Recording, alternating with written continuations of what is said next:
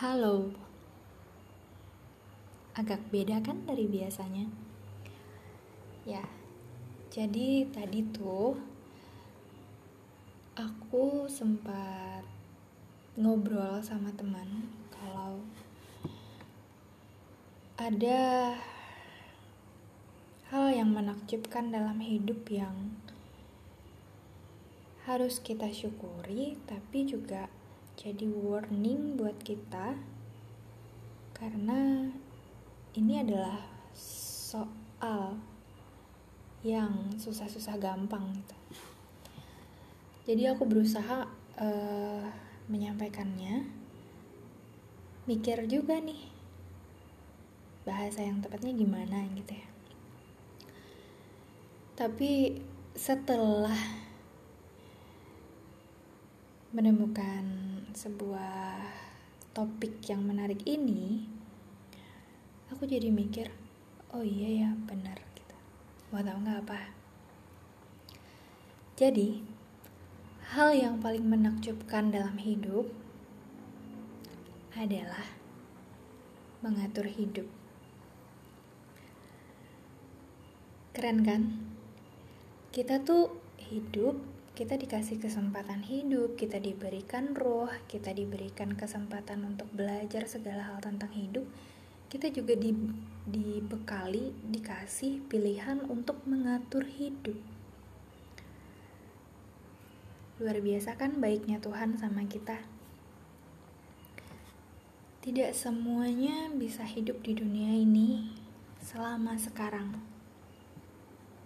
Ayo, kamu udah hidup berapa tahun? Udah banyak kan pilihan-pilihan hidupmu? Sudah banyak pengalaman-pengalaman kamu mengatur hidup kamu sendiri. Padahal kan kita tahu nih, yang punya kuasa, yang punya kemampuan, yang maha bijaksana dalam mengatur hidup, tentu hanya Tuhan satu-satunya. Tapi karena Tuhan sayang sama kita, kita juga dikasih kesempatan yang menakjubkan itu untuk mengatur hidup kita sendiri. Bayangin nih, kita bisa mengatur hidup atau e, bahasa sederhananya merencanakan lah ya. Kita bisa merencanakan hidup kita, kita bisa bikin 100 list rencana hidup dalam tahun ini dan kita bisa mencapai 50 60 di antaranya atau cuma 20 aja itu udah luar biasa banget gitu. Kita dikasih kesempatan buat mengatur hidup kita. Ibaratnya kalau kita punya wewenang nih memberikan seseorang kehidupan memberikan seseorang kesejahteraan kemudian kita kasih dia kesempatan untuk bikin serat harapan dalam satu tahun aja misalkan. Terus dia nulis nih dalam 100 itu. Apa mungkin apa mau kita mewujudkan satu di antaranya gila gak sih? Tuhan sebaik itu banget. Kita aja nggak mungkin bisa mewujudkan uh, harapan atau rencananya orang lain tapi Tuhan kasih kita pilihan Tuhan kasih kita kesempatan untuk mengatur hidup kita. Hei kamu, ini aku kasih kamu kesempatan nih waktu gitu. Walaupun sebenarnya kita nggak tahu ya hidup mati kita nggak tahu nih. Entah hari ini kita hidup, entah besok kita mati. Tapi Tuhan kasih kita kesempatan itu dan Tuhan kasih kita harapan. Kita berharap satu tahun ke depan kita masih hidup nih. Kita berharap kita punya 100 rencana yang mungkin ya seenggaknya 20 di antaranya tercapai deh ya Tuhan gitu kan. Dan Tuhan dengerin. Kadang juga kita masih ya dari 100 kok cuma 20 sih? gitu. Kadang masih ngeluh coba. Aneh kan gitu. Jadi itu tadi kita bahas itu gitu. Dan aku tuh mikir benar juga ya gitu maksudnya ya sebaik itu. Kita tuh hidup udah diatur jauh-jauh hari bahkan bertahun-tahun ribuan tahun sebelum kita ada di dunia. Hidup kita tuh udah diatur gitu loh. Hidup kita tuh udah tap tap tap tap udah jelas.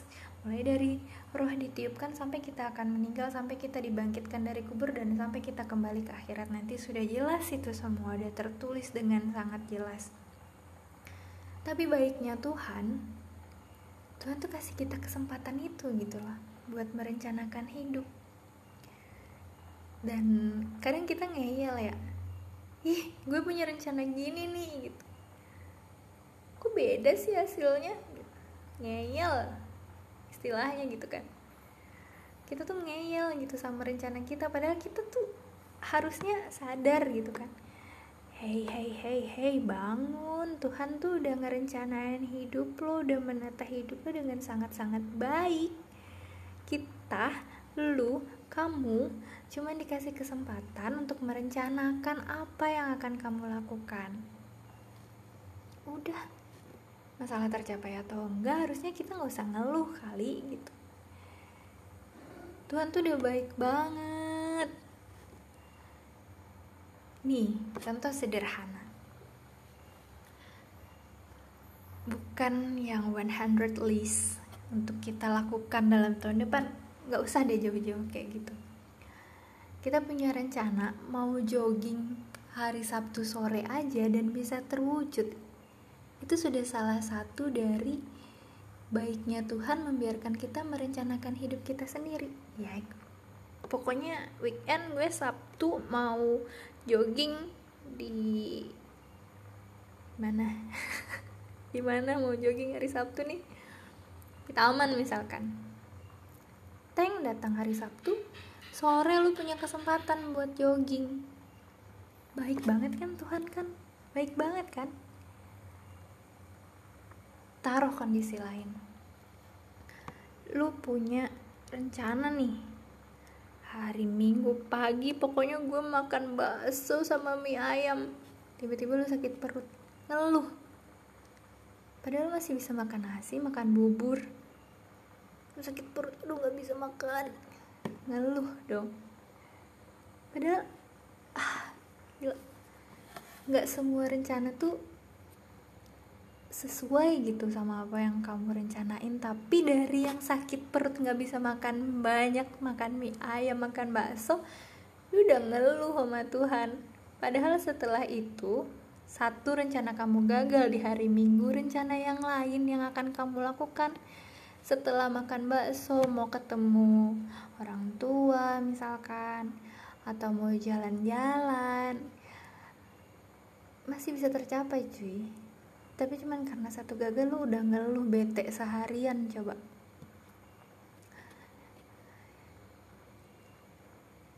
Gue geleng-geleng kepala deh. Bener ya ternyata uh, hal yang paling menakjubkan itu memang kesempatan mengatur hidup. Cuman kadang kok ngeyel gitu. Kesem yang namanya kesempatan berarti kan kita nggak diberi kekuat maksudnya nggak diberi ya nggak diberi kesempatan eh apa gimana sih? Kesempatan itu eh gimana sih? Gue jadi ngeblank ya. Intinya gini deh kita tuh dikasih kesempatan bukan untuk memaksakan harus terjadi enggak. Kita tuh dikasih kesempatan buat punya opsi gitu loh. Punya pilihan nih dalam sehari ini atau dalam sehari besok mau ngapain aja ya? Mau rebahan doang? Atau mau olahraga pagi jogging belajar working terus jalan-jalan gitu kan bebas. Itu pilihan. Tapi tetap nih dalam sehari besok yang ngatur tuh Tuhan gitu loh. Masalah rencana kita akan terwujud atau enggak ya udah nggak usah ngeyel kita udah rencana nih besok mau jalan-jalan. Eh tiba-tiba hujan berarti. Tuhan bilang kamu di rumah dulu ya. Nggak usah jalan dulu. Kalau kamu jalan atau kamu maksain jalan terus kamu kehujanan kamu sakit gimana? Gitu kan? Tapi kadang kita ngeyel gitu. Sama nih sama yang aku alamin sekarang. Sebenarnya ini nih intinya. Jadi tuh temen aku bilang cu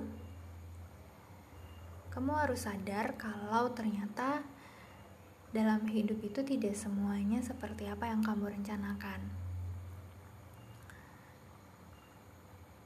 tapi Tuhan kasih kamu kesempatan untuk mengatur hidup. Sekarang, kamu memilih, kamu mengatur hidupmu, kamu menyetel aturan dalam hidupmu untuk menghadapi patah hati terbesarmu. Temanku bilang gitu, lah kok gitu?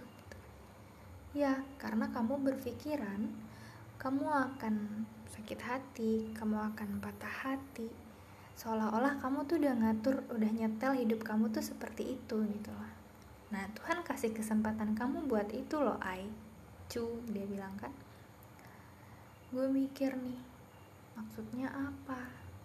Itu kan. Terus dia bilang, kamu, kamu cu, dia panggil aku cu gitu kan. Cu, kamu tahu kalau hidup itu Tuhan yang atur. Kamu tahu kalau Tuhan punya ketetapan terbaik untuk hamba-hambanya kan? Gitu. Iya, aku bilang. Terus kamu ragu sama masa depan. Yang bahkan sebelum kamu ada Tuhan udah tahu hasilnya gimana.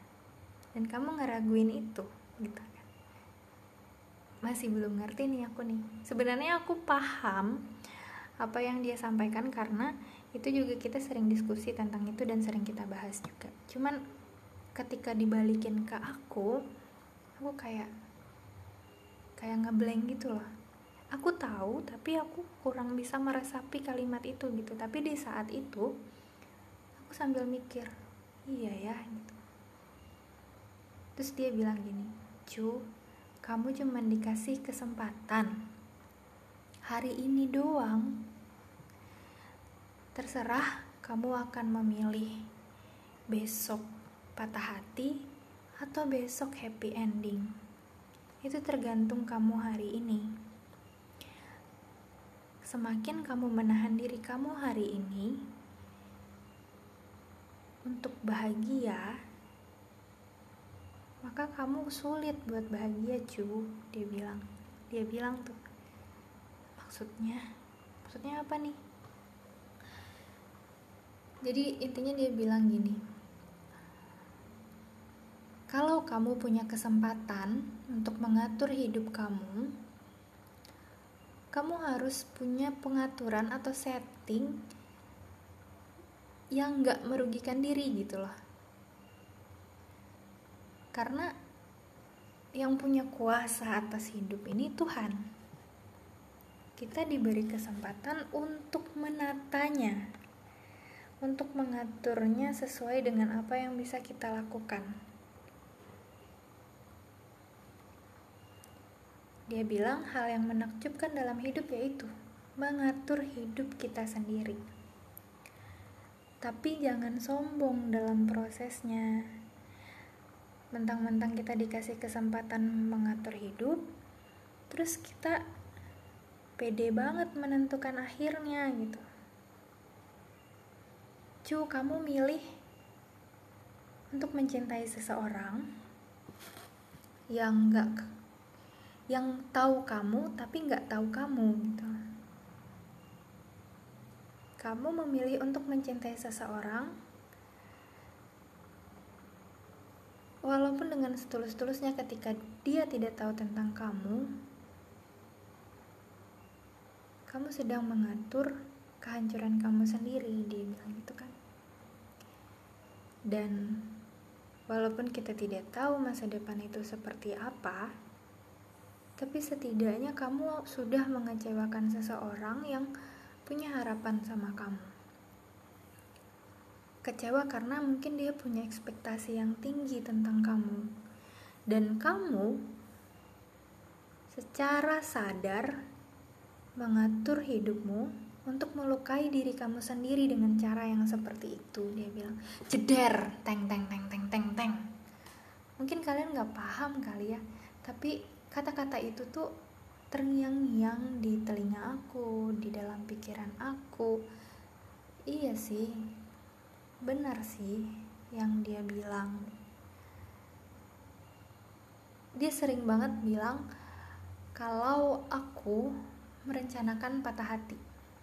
Ocu sedang merencanakan patah hati terhebatnya.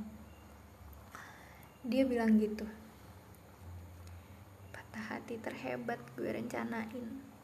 Di mana sih? Ada nggak sih manusia yang rencanain buat patah hati? No nggak ada. Kita punya harapan yang besar untuk bertahan dengan seseorang. Bukan cuman tentang uh, lawan jenis tapi dalam relationship apa pun lah kita mencoba bertahan dengan seseorang atau sekelompok orang atau orang-orang di sekitar kita bukan untuk merencanakan patah hati karena kita bertahan karena kita merasa nyaman. Kita bertahan karena kita tidak ada niat sedikit pun untuk menyakiti dia gitu. Walaupun sebenarnya secara sadar kita juga mikir apa dengan diamku kita bisa baik-baik aja gitu ya. Nah itu tuh overthinking tuh yang kemarin kita bahas tuh nah aku ya karena overthinking itu juga lah dan akhirnya aku terjebak nih dalam settingan hidup yang berantakan. Itu makanya aku bilang sesuatu yang menakjubkan dalam hidup itu adalah mengatur hidup. Kadang kalau settingan kita kusut ya kusut juga saya kalau settingan kita benar alhamdulillah benar kan lurus lurus aja gitu. Tapi ya ada juga tuh olengnya. Kapal oleng kapten.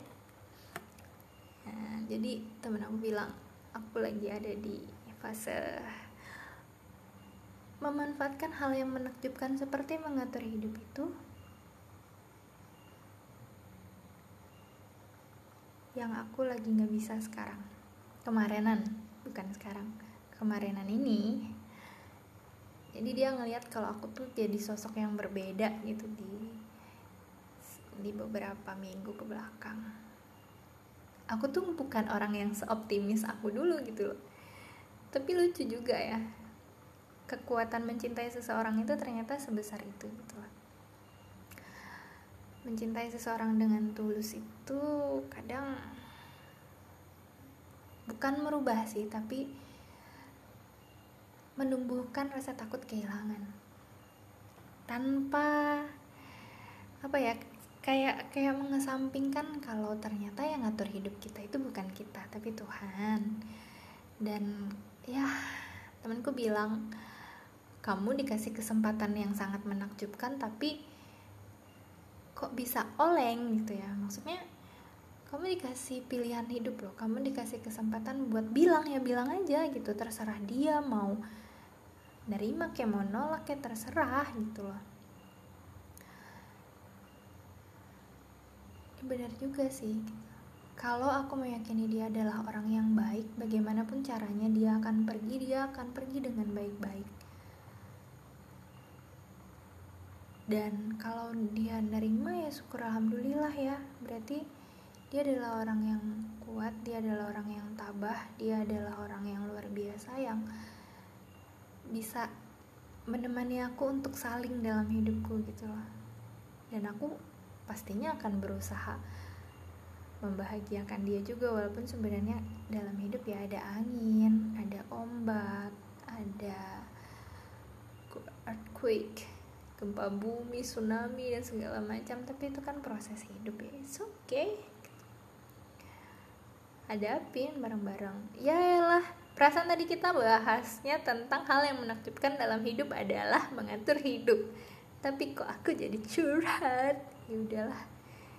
Ini sisi lain dari aku. Kayaknya pembahasan kita udah melenceng ke mana-mana ya. Tapi udahlah nggak apa-apa nggak aja nih sesi curhat deh. Ntar aku kasih nih episode curhat. Nggak jadi tuh. Yang apa tadi judulnya? Bukan judul tema. Hal yang menakjubkan dalam hidup adalah mengatur hidup. Gak jadi ya. Nanti aku kasih apa aku kasih judul edisi curhat episode curhat apa ya yang bagus ya? Wadaw. Nih nih. Sebenarnya tuh uh, curhat sama manusia tuh enak enak banget. Bahkan aku bisa menghabiskan waktu berjam-jam. Tapi kan ada juga nih sisi sisi menyendirinya seseorang. Nah sisi menyendirinya aku ya aku curhatnya ke kalian ke kamu kamu yang lagi dengerin ini. Ya ke kamu lah. Kalau kamu lagi dengerin ini berarti aku lagi curhat nih sama kamu. Uh, kemarin aku sempat buka email tapi kayaknya nggak dulu deh karena banyak banyak yang curhat balik. Aku belum siap menerima curhatan balik orang gitu jadi aku cuma mau curhat didengerin ya walaupun kalian adalah kamu adalah orang yang random gitu. Orang yang nggak nggak bisa ngerespon nggak bisa ngasih solusi orangnya cuma bisa dengerin doang. Tapi ya aku butuhnya itu gitu. Aku perlunya cuma didengerin. Sekarang gitu. Walaupun sebenarnya apa yang aku bilang apa yang aku curhatin di podcast ini di halo case ini adalah apa yang udah aku curhatin juga sama teman-teman aku tapi sisinya manusia tuh gitu ya menakjubkan banget kita tuh punya uh, tempat curhat yang paling aman selain sama ibu, selain sama ayah, yang paling aman itu sama Tuhan. Bebas. Kalau kita curhat sama ibu, kita kadang pengen nangis, tapi kalau lihat ibu kita nangis kita nggak tega kan. Kalau sama ayah kita curhat jadi anak paling manja banget di dunia, tapi juga kadang kita pengen gitu kelihatan tegar. Nggak kok aku nggak selama itu gitu kalau sama orang tua tuh curhatnya gitu kalau curhat sama adik beda lagi kalau curhat sama ade tuh ya kalau aku curhat sama ade aku yang pas banget di bawah aku nih kayak ngerasa kalau aku curhat aku harus punya wibawa nih. Gak mau nih. Pokoknya aku harus kelihatan keren gitu walaupun gue lagi rapuh lagi patah. Gitu. Tapi kalau kita curhat sama Tuhan lu mau serem se apa ya mau selemah apa pun mau serapuh apa pun mau semewek apa pun sampai mata bengkak kadang ingus sudah melebar ke mana-mana ya udah nggak apa-apa. Nggak ada yang lihat nggak ada yang ngetawain gitu. Tuhan nerima menangis dalam sujud tuh nikmat saya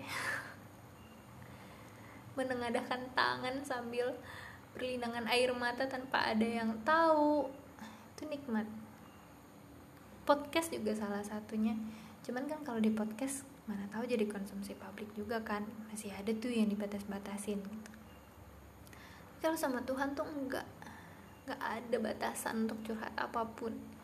Pengakuan dosa apa pun meminta apa pun nggak ada batasnya. Cuman kadang kita aja gitu yang malas kadang nih ya apalagi kalau sholat siang-siang. Udah selesai selesai kan? Mau berdoa nih. Berdoa nggak sampai lima menit udah selesai. Padahal yang paling nikmat itu adalah curhat sama Tuhan. Tapi kadang-kadang ya gimana gitu kan lebih memilih curhat di podcast ini gue. Nggak deng itulah eh kok jadi ke mana-mana ya? Gue ngomong ya mentang-mentang ini edisi curhat tuh kan ganti sesinya. Dan akhirnya keluarlah kasihan aku nggak apa-apa lah sekali-sekali. Ya gitulah. Tadi aku udah ngomong apa aja ya. Semoga aku nggak ada salah ngomong ya. Takut juga nih. Kalau aku ada salah ngomong tolong diingatin ya. Eh tapi kalau di podcast emang bisa di komen? Enggak kayaknya ya terus mengingatinnya di mana dong ingatkan aku dalam doa kalian ya ingat nih doanya ya Allah Semoga pengisi suara di Halokes selalu dalam lindungan dan kasih sayangmu. Udah itu aja deh. Gue gak tau juga mau mau didoain apa. Kalau minta yang muluk-muluk, takut ya. Setulus kalian aja deh. Doain yang baik-baik ya. Terus mau apa lagi ya? Mau curhat apa lagi aku nih? padahal aku tadi tuh lagi pengen banget gitu bilang kalau oh iya ya kayak kayak sebuah pengakuan gitu aja kalau oh iya ya ternyata hal yang paling menakjubkan dalam hidup itu memang dikasih kesempatan untuk mengatur hidup kita sendiri gitu aku pengen bilang itu tapi bingung ya kata-katanya padahal aku udah nulis aku udah berusaha mengarahkan ke situ tapi setelah tulisannya habis aku malah ngeracau ke mana-mana. Ya udahlah. Semoga nggak ada yang salah dalam penyebutannya. Ini juga suara asli loh. Oh my god. Jadi nanti deh kayaknya aku bakalan bikin edisi curhat satu kali lagi yang nyeritain tentang perjalanan hidup aku kayaknya seru deh. Apa abis ini ya? Perjalanan hidup dari bayi kronologinya kehidupan aku penting banget gak sih? Cuman kadang kita tuh butuh butuh apa ya? Butuh kegabutan yang kayak gitu ngerti gak sih? Gabut banget. Padahal kan udah jelas-jelas tuh. Kita tuh nggak perlu menjelaskan tentang diri kita ke siapa pun gitu nggak ada gunanya juga. Karena orang yang suka yang sayang yang menerima kamu nggak butuh penjelasan itu. Dan ngapain juga menjelaskan tentang kita ke orang yang nggak peduli juga gitu. Ya nggak ada gunanya sia-sia gitu. dan jujur dari dulu tuh aku nggak hampir nggak pernah menjelaskan tentang siapa aku ke orang-orang terdekat aku aku ngebiarin orang-orang tuh kenal aja gitu tahu aja tuh. Ya walaupun kadang nggak kadang sih sering. Karena muka aku antagonis kali ya antagonis sombong songong. Jadi ya ya dia anggap aku songong gitu. Walaupun ada juga sih beberapa yang bilang ah ternyata kak Ai gini ya orangnya gini gini gini gini wah seru ya gitu oh ternyata lu manja banget gitu padahal ada sisi dewasa juga dalam diri ini cuman gak diliatin aja gitu. Karena perjalanan hidup udah terlalu buat aku dewasa banget cuy gitu.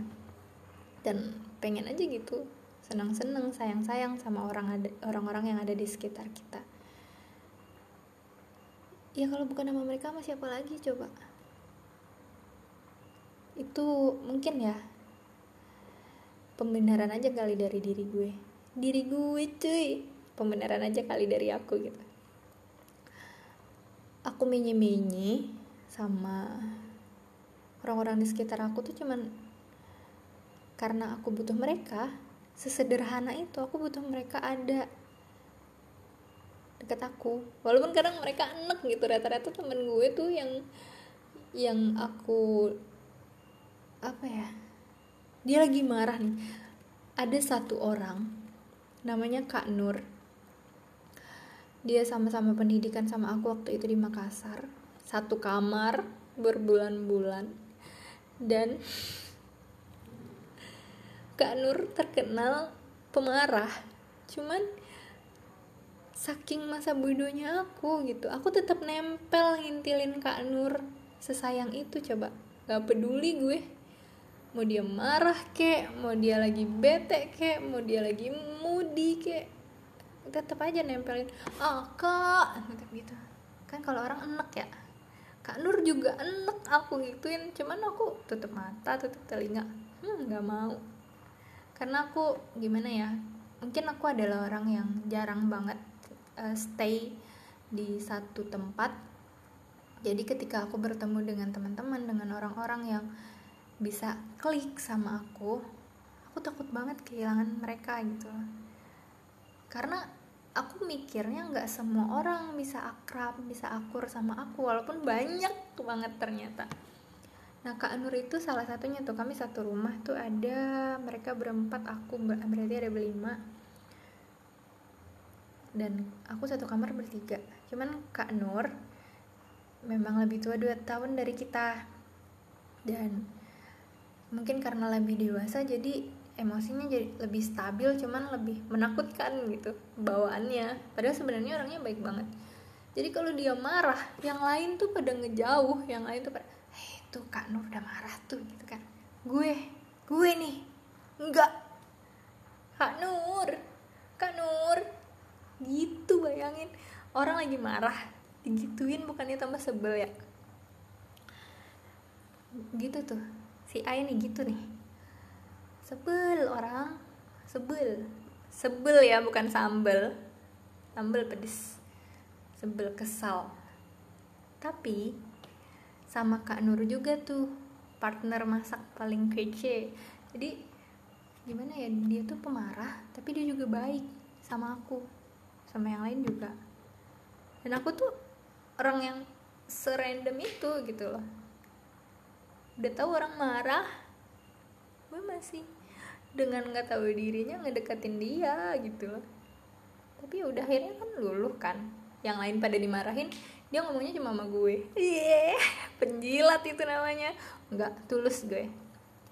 Aku tulus tulus tulus tulus. Apa sih? Aduh ya Allah kayaknya aku gila deh. Oh my god ini sisi lain dari seorang aku. Judulnya apa ya? Apa sebuah pengakuan? Makasih ya udah dengerin udah setengah jam loh. Atau kalian ngerasa didongengin gak sih? Aduh sumpah random banget hidup. Tapi jujur ya aku menghargai banget hidup yang udah dikasih Tuhan kesempatan yang sudah dikasih Allah buat aku. Aku bersyukur banget. Gak ada lagi selain bersyukur. Dengan sangat sangat sangat bersyukur. Aku dikelilingi orang-orang hebat aku dikelilingi orang-orang yang memotivasi aku yang walaupun sebenarnya pencapaian aku tuh bukan pencapaian yang wah gitu enggak tapi aku bersyukur gitu ada di tahap ini dengan keadaan aku yang kayak gini Tuhan menghadiahi aku every single day untuk ayo ayo ayo bersyukur bersyukur. Kayak kayak gitu gitu. Kayak ngerasa di dor dor dor gitu. Pengen ngeluh nih. Seharian nggak ada nggak ada kerjaan. Ih bete sebel suntuk gitu kan. Ya Allah bosan banget sama kegiatan ini ya Allah. Dor bersyukur nggak? Banyak orang yang tidur yang bisa tidur yang bisa rebahan tapi nggak ada duit. Lu tidur aja dapet duit cuy gitu. Ya walaupun nggak banyak tapi itu harus disyukuri gitu loh. Dalam satu bulan tuh kita udah ada gaji udah ada uang. Walaupun dalam satu bulan itu kita kerjanya cuman empat hari. Cuman satu minggu kalau full satu bulan ya alhamdulillah dapat capeknya. Tapi aku lebih milih satu bulan sibuk daripada satu bulan cuman satu minggu kerja.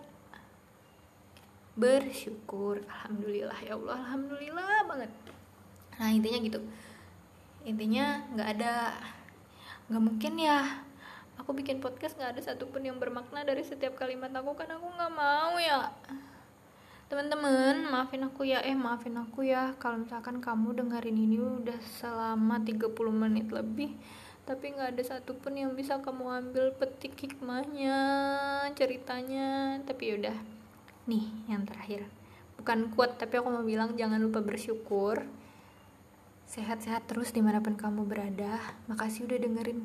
Makasih udah dengerin curhatan aku yang paling gabut paling jelas sebenarnya aku bikin podcast ini tadinya mau serius mau bahas yang tadi tuh di awal. Tapi kayaknya aku lagi kumat deh. Aduh bapak gue mikir apa ya? Ternyata anakku ya Allah. Ya udahlah nggak apa-apa deh. Aku juga amazing banget loh 35 menit bisa ngomong sendiri. Biasanya paling lama 20 menit itu juga ngeliat teks ini benar-benar nggak ada ngeliat teks benar-benar nggak ada nulis benar-benar nggak ada materi. Dan ternyata aku ngomong kayak gini ah, jangan-jangan ini kepribadian aslinya aku. Ya emang gini lah ya udahlah nggak apa-apa. Ya Allah malu sama cover. Ya udahlah nggak apa-apa deh. Selamat mengenal seorang aku di Halo Cash Semoga nanti di suatu saat kita bertemu, aku berharap kamu akan selalu bahagia di mana pun kamu berada.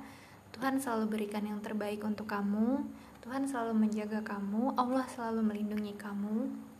Allah selalu kasih kesempatan-kesempatan bagus buat kamu ambil dan manfaatkan itu jadilah orang hebat jadilah orang sukses. Semua pelajaran hidup orang lain kalau kita ambil kita belajar dari sana ambil yang baiknya buang yang buruknya. Kalau buruk semua ya udah nggak apa-apa. Pelajaran juga tuh berarti kita nggak boleh kayak dia. Berarti kamu nggak boleh kayak aku. Kalau misalkan cerita aku ini buruk. Ya udahlah nggak apa-apa it's okay bye. Eh nggak boleh gitu ya. Apa ya pokoknya itu tadi. Amin ya Allah untuk semua doa-doa baiknya.